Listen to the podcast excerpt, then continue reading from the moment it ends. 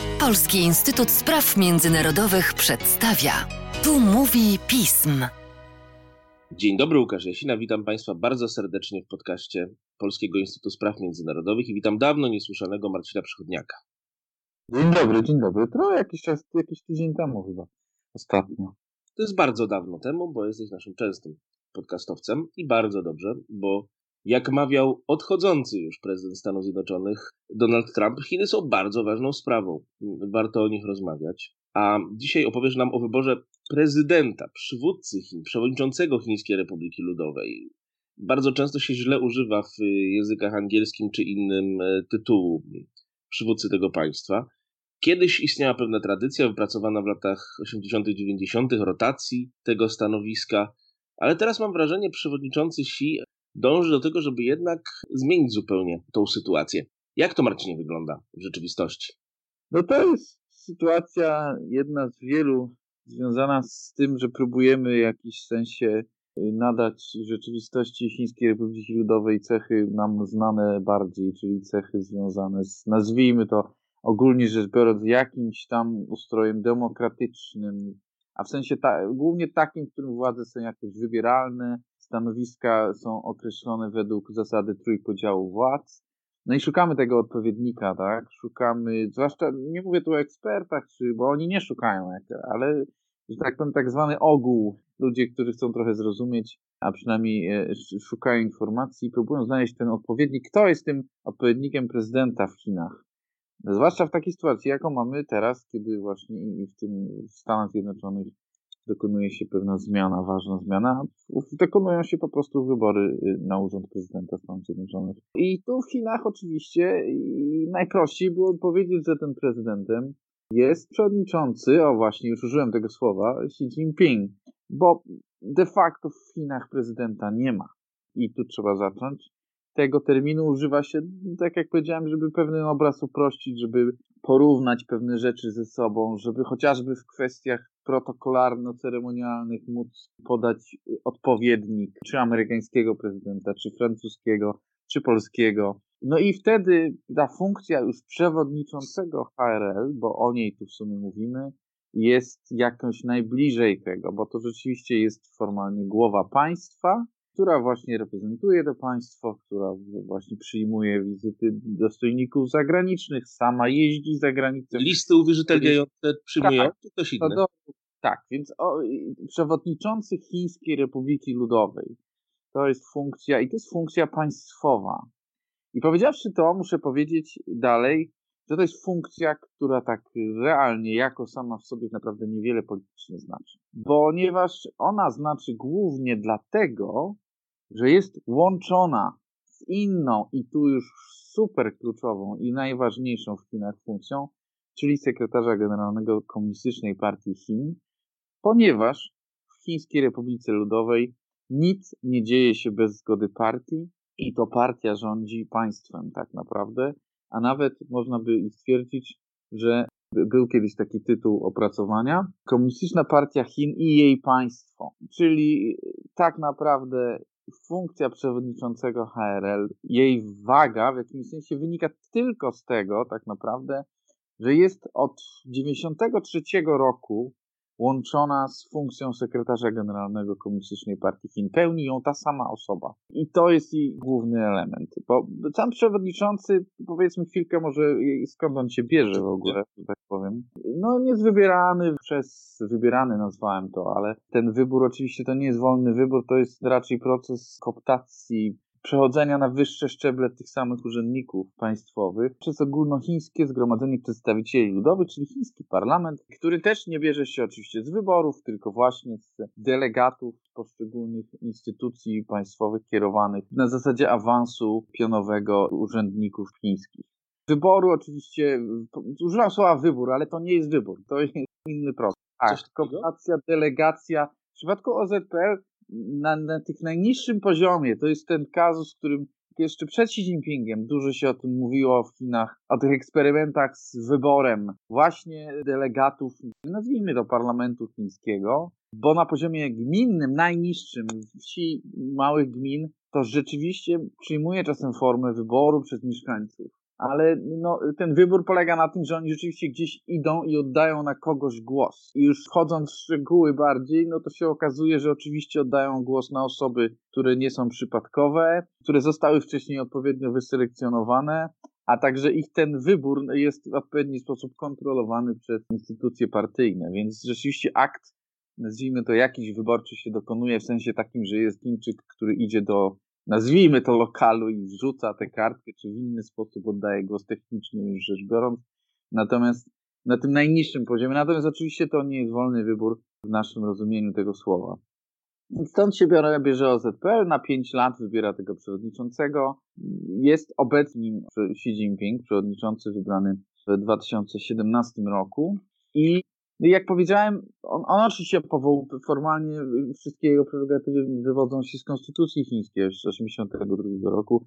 Powołuje premiera, ministrów, ogłasza ustawy. Stany nadzwyczajne, wspomnieliśmy o dyplomatycznych prerogatywach przewodniczącego. Władza Xi Jinpinga jako przewodniczącego HRL, stanowisko, które porównujemy do prezydenta innego państwa, wynika raczej z tego, że jest on właśnie, tak jak wcześniej powiedziałem, sekretarzem generalnym Komunistycznej Partii Chin i przewodniczącym Centralnej Komisji Wojskowej, czyli organu, który e, nadzoruje działania sił zbrojnych. Nie tylko nadzoruje, bo on jest także wyznacza kierunki. To jest taką instytucją, która zajmuje się wszystkim tym, co czy chińskiej armii, jej rozwoju i planów i, i, i, tak dalej, i tak dalej. To warto wspomnieć, że nie zawsze tak było, że ta sama osoba wszystkie te trzy funkcje sprawowała. Ja osobiście, Marcinie, pamiętam jeszcze początek lat 90., kiedy właśnie tak nie było. To prawda i to był rzeczywiście element taki charakterystyczny w, w, w ramach przejmowania władzy, wymiany władzy, tak? To mamy, mamy amerykańskie wybory. Mówmy sekundkę o tym, jak w Chinach ta władza się zmienia, bo oczywiście nie w sposób wyborczy, ale ta kwestia, kto jest szefem Centralnej Komisji Wojskowej, była takim wyznacznikiem tego, na ile poprzedni sekretarz generalny oddaje właśnie tę ostatnią i bardzo ważną, bo to nie tylko oczywiście siły zbrojne, to nie tylko prestiż i siła, że tak powiem, ale także biznes, pieniądze. Tam jest rzeczywiście to szerokie połączenie między biznesem a siłami zbrojnymi w zakresie rozwoju, w zakresie technologii, w zakresie zwykłych po prostu logistyczno-transportowych interesów czy handlowych. A więc ten element, kiedy poprzedni sekretarz generalny oddaje te funkcje, czy rezygnuje z niej, był istotny i tu rzeczywiście Jiang Zemin, sekretarz generalny KPH z lat 90., nie ten przed Xi Jinpingiem, ale jeszcze jeden wcześniej. Dwa lata później zrezygnował z tego stanowiska. E, natomiast poprzednik Xi Jinpinga, Hu Jintao, oddał je od razu. I to też jakby było wtedy wskazywane, pamiętam, że y, to jest jakiś sygnał, że rzeczywiście to, co reprezentuje sobą Xi Jinping, bo myślę, że jakby nie tyle on sam, co jak raczej środowisko, które go wysunęło, że to będzie jakaś gruntowna zmiana i, i w tym sensie też, że on przejmuje od razu pre, wszystkie prerogatywy, które dotychczas nowi gęsekowie czy nowi przywódcy przejmowali z czasem, tak? To był cały pre, ry, rytuał. Zresztą on nigdzie, nigdzie dotychczas konkretnie w sposób nie był skodyfikowany. Ten moment i, i sposób i czas trwania, jak to się odbywa i jak długo to powinno trwać. To oczywiście Wybór przewodniczącego HRL określa konstytucja, wybór sekretarza generalnego KPH określa statut tej partii. Więc to tu w pewnym sensie te decyzje podejmuje pierwszą OZPL, drugą zjazd partii, więc tu moment wyboru mamy oczywiście wskazany.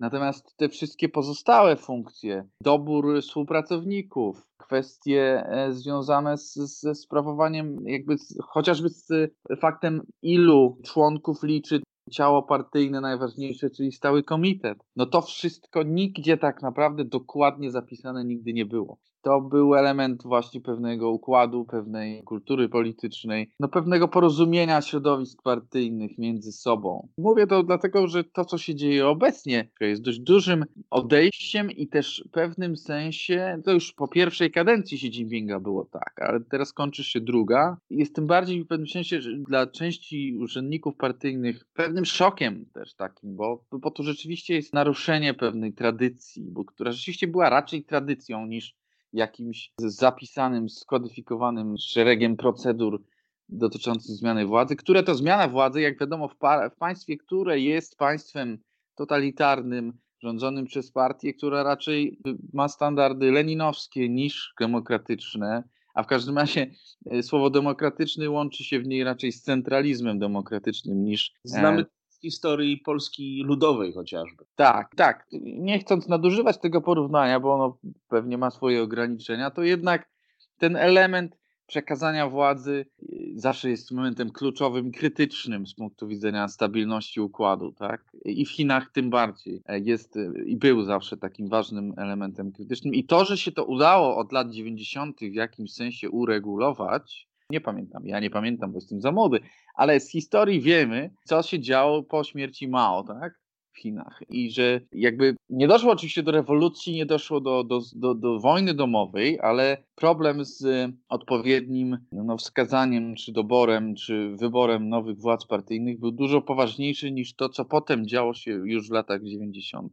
kiedy ten cały proces przebiegał w miarę płynnie. Obecnie mamy raczej, nie chcę powiedzieć, że powrót do sytuacji Mao, ale moglibyśmy znaleźć dużo cech podobnych. Więc w sytuacji, kiedy mamy rzeczywiście partię, która rządzi państwem, to jest charakterystyczne, trzeba o tym pamiętać, że to jest jej, to jest system, w którym partia jest ponad prawem, tak? Jej władza nie jest nigdzie tak naprawdę zapisana w sensie prawnym, ale jakby jej działanie określa statut partii, natomiast jest to jakby element pewnych sieci powiązań i nadzoru, w jaki sposób partia kontroluje instytucje państwowe, w tym także jakby y, stanowi o rzeczywistej sile i możliwości podejmowania decyzji stanowisko partyjne niż państwowe. Jeszcze kończąc tak naprawdę chyba już, bo y, może mamy jeszcze parę minut. Wspomniałem o tym, że rzeczywiście to, co się dzieje teraz, będzie istotne, bo zbliżamy się do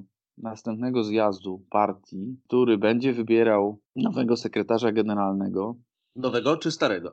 No właśnie, będzie na nowo wybierał, ale czy wybierze nowego i czy starego, tego nie wiadomo. Są trzy, myślę, albo cztery nawet. Z tego ten czwarty jest chyba najmniej prawdopodobny scenariusze w tej kwestii. Pewnych wskazówek było wiele w, w ostatnich miesiącach czy latach, ale ich interesująca była też ostatnio po piątym plenum KC, kiedy to przyjęto również nie na samym plenum, to chyba było tuż przed, w każdym razie powiązane ze sobą. Przyjęto również nowe regulacje dotyczące pracy samego KC, Komitetu Centralnego KPH, czyli tej najważniejszej władzy w partii, poza zjazdem oczywiście, gdzie to nie dotyczyło samych procedur, natomiast dotyczyło określenia głównego lidera, Xi Jinpinga jako głównego lidera, że od tej pory KC Komunistycznej Partii Chin kieruje się oprócz wszystkimi innymi zapisanymi w statucie partii programami, projektami, ideami, które stanowią jakby hasłowo są takim elementem wskazującym poprzednich sekretarzy generalnych, tak każdy z nich jakąś część swojej idei zapisał, czy to w konstytucji, czy to w partii, statucie partii, jakby w jakimś sensie to się powiela. Natomiast jeśli chodzi o Xi Jinpinga, Komitet Centralny KPH od tej pory ma kierować się myślą Xi Jinpinga jako głównego lidera. To jest moje tłumaczenie Natomiast jest to określenie, które wcześniej i raczej nie funkcjonowało wobec odniesieniu do poprzednich sekretarzy, oprócz Mao Tse-tunga. To jest jakiś sygnał kolejny, mówiący o tym, że rzeczywiście to, co się wydarzy w 2022 roku, kiedy ten zjazd 20, zjazd Komunistycznej Partii Chin, rok zresztą, pamiętajmy to, co się będzie, ważny rok przed nami, 2021, czyli stulecie Komunistycznej Partii Chin, będzie się działo na pewno w Chinach. Już widzę, że to parady i pochody. W każdym razie, ale zjazd w 2022 roku, cztery możliwości wspomniałem o nim. Czwarta, najmniej moim zdaniem prawdopodobna, to taka, że Xi Jinping odchodzi. Kończy swoją drugą kadencję na stanowisku sekretarza generalnego KPH i, i jak wzorem innych zasłużonych towarzyszy, tak powiem, rezygnuje z funkcji partyjnych i państwowych. Państwowe nie powiedziałem o tym, że to jest taki dualizm też zjazdowo-parlamentarny, tak? Mamy zjazd partii, po czym mamy pół roku później sesję parlamentu, która zjazd partii decyzje o stanowiskach partyjnych, sesja parlamentu decyzje o stanowiskach państwowych podejmuje. A więc odchodzi Xi Jinping i, i rezygnuje ze stanowisk i zajmuje takie zasłużone stanowisko towarzysza, które oczywiście ma jakiś wpływ i to pewnie dość duży, zważywszy na to, jaką pozycję sobie wypracował, ale jednak już nie kieruje na bieżąco.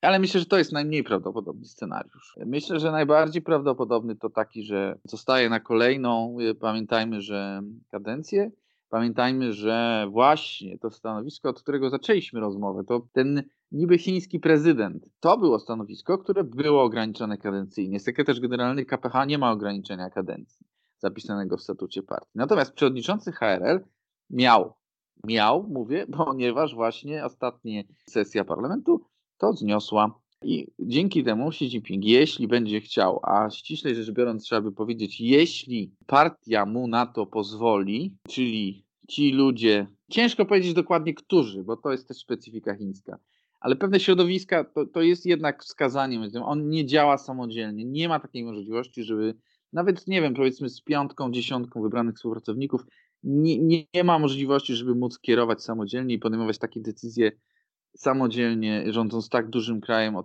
takich, takich zasobach i takim, takich problemach. Więc, że pierwszy scenariusz zostaje na kolejną kadencję, już trzecią, przewodniczącego HRL, oczywiście sekretarza generalnego KPH i też przewodniczącego Centralnej Komisji Wojskowej. I rządzi dalej Chinami. Jak długo? Ciężko to powiedzieć. Być może jak mu zdrowie pozwoli. Drugi to jest, którym się mówi również, to jest taki, że oddaje stanowisko przewodniczącego HRL. No bo jak wspomniałem, ono jest jednak, jego władza wynika głównie z ceremoniału i z tego, że jest się jednocześnie sekretarzem generalnym partii. Że oddaje ją jako taki sygnał właśnie też wizerunkowy, że tu się jednak Chiny to nie takie jednowładztwo i kult jednostki, ale także, że, że ktoś nowy mógłby je objąć. Oczywiście no, bez faktycznego, realnego znaczenia politycznego. Natomiast wizerunkowo wyglądałoby to inaczej. Pewnie też w samych Chinach środowiska partyjne niektóre mogłyby, można by w ten sposób uhonorować, niektóre konflikty załagodzić. Tego typu decyzja. I jeszcze trzeci scenariusz, czy, czy czwarty w każdym razie, najciekawszy chyba z nich, bo wymieniłem, powiedziałem, że jest przewodniczący HRL i sekretarz generalny KPH. Natomiast nie ma przewodniczącego KPH. Kiedyś był, takie stanowisko kiedyś było, Mao Tse-tung je zajmował przez jakiś czas i ten scenariusz może polegać na tym, że to stanowisko powstanie. Zostanie specjalnie dla Xi Jinpinga utworzone. Takiego już e, głównego nadzorcy, znaczy takiego właśnie człowieka słońce, że tak powiem, odnosząc się trochę do Ludwika XIV, pewnie e, nie do końca trafnie, natomiast przy lidera, właśnie rdzeń Chin, rdzeń partii przewodniczący Komunistycznej Partii Chin. Mówi się dużo o tym, że też miałby wtedy powstać stanowisko wiceprzewodniczącego e, Komunistycznej Partii Chin, które to mógłby objąć. Bardzo ciekawa postać, zwłaszcza dla analityków, bo pokazuje, jak daleko, przynajmniej w chińskich warunkach, analityk, naukowiec, ekspert może zajść. Miałby objąć Wang Huning, czyli wieloletni właśnie twórca, doradca chińskich przywódców, y, szef jednego z chińskich, nazwijmy to think tanków, to nie są think tanki, ale powiedzmy państwowych ośrodków analitycznych, ale człowiek, który wymyślił większość z tych projektów chińskich ideologicznych ostatnich lat, e, prawa ręka Xi Jinpinga, jeśli chodzi o program, ideologię i, że tak powiem, myślenie koncepcje, koncepcje polityczne. Więc dla niego, i to rzeczywiście, to jest człowiek, który zresztą znalazł się w ostatnim zjeździe w stałym komitecie partii, chociaż wcześniej większej kariery partyjnej nie robił, więc to rzeczywiście był e, duży awans i to ten scenariusz, o którym mówię, byłby jeszcze większym awansem dla niego, ale myślę, że rzeczywiście to jest człowiek, bez którego nie funkcjonowałaby ta ideologiczna odnoga i te polityczne koncepcje, które jednak cechują władzę Xi Jinpinga obecnie. Taka intelektualna podpora, nazwijmy to, jakkolwiek by te jego koncepcje nie były e, dziwne czy szkodliwe z naszego punktu widzenia, to bez wątpienia zasługi dla Xi Jinpinga on ma. Więc e, najbardziej prawdopodobny to chyba jednak Xi Jinping na dłużej w ramach obecnego modelu, moim zdaniem. A najbardziej ciekawy, no to ten ostatni, o którym wspomniałem. A ja myślę, że ciekawe są wszystkie modele, bo kolejny raz musimy powiedzieć, co mówimy dość rytualnie, że mała jest wiedza na świecie o tym, jak to naprawdę w Chinach wygląda, skoro się tego słowa prezydent używa. Mi to jako historykowi przypomina to, że nazywano Michaiła Kalinina prezydentem. Związku Radzieckiego w latach 40. Marcinie, pozostaje mi podziękować Ci za to, że tak ciekawie, jak zwykle, przybliżyłeś nam sprawę z pozoru oczywistą, ale myślę, że jednak nie do końca oczywistą dla nas tutaj, ludzi zachodu Franków, jak to ich kiedyś nazywali Chińczycy w dawnych czasach. Dziękuję bardzo. Zawsze miło. Dziękuję Marcinie również.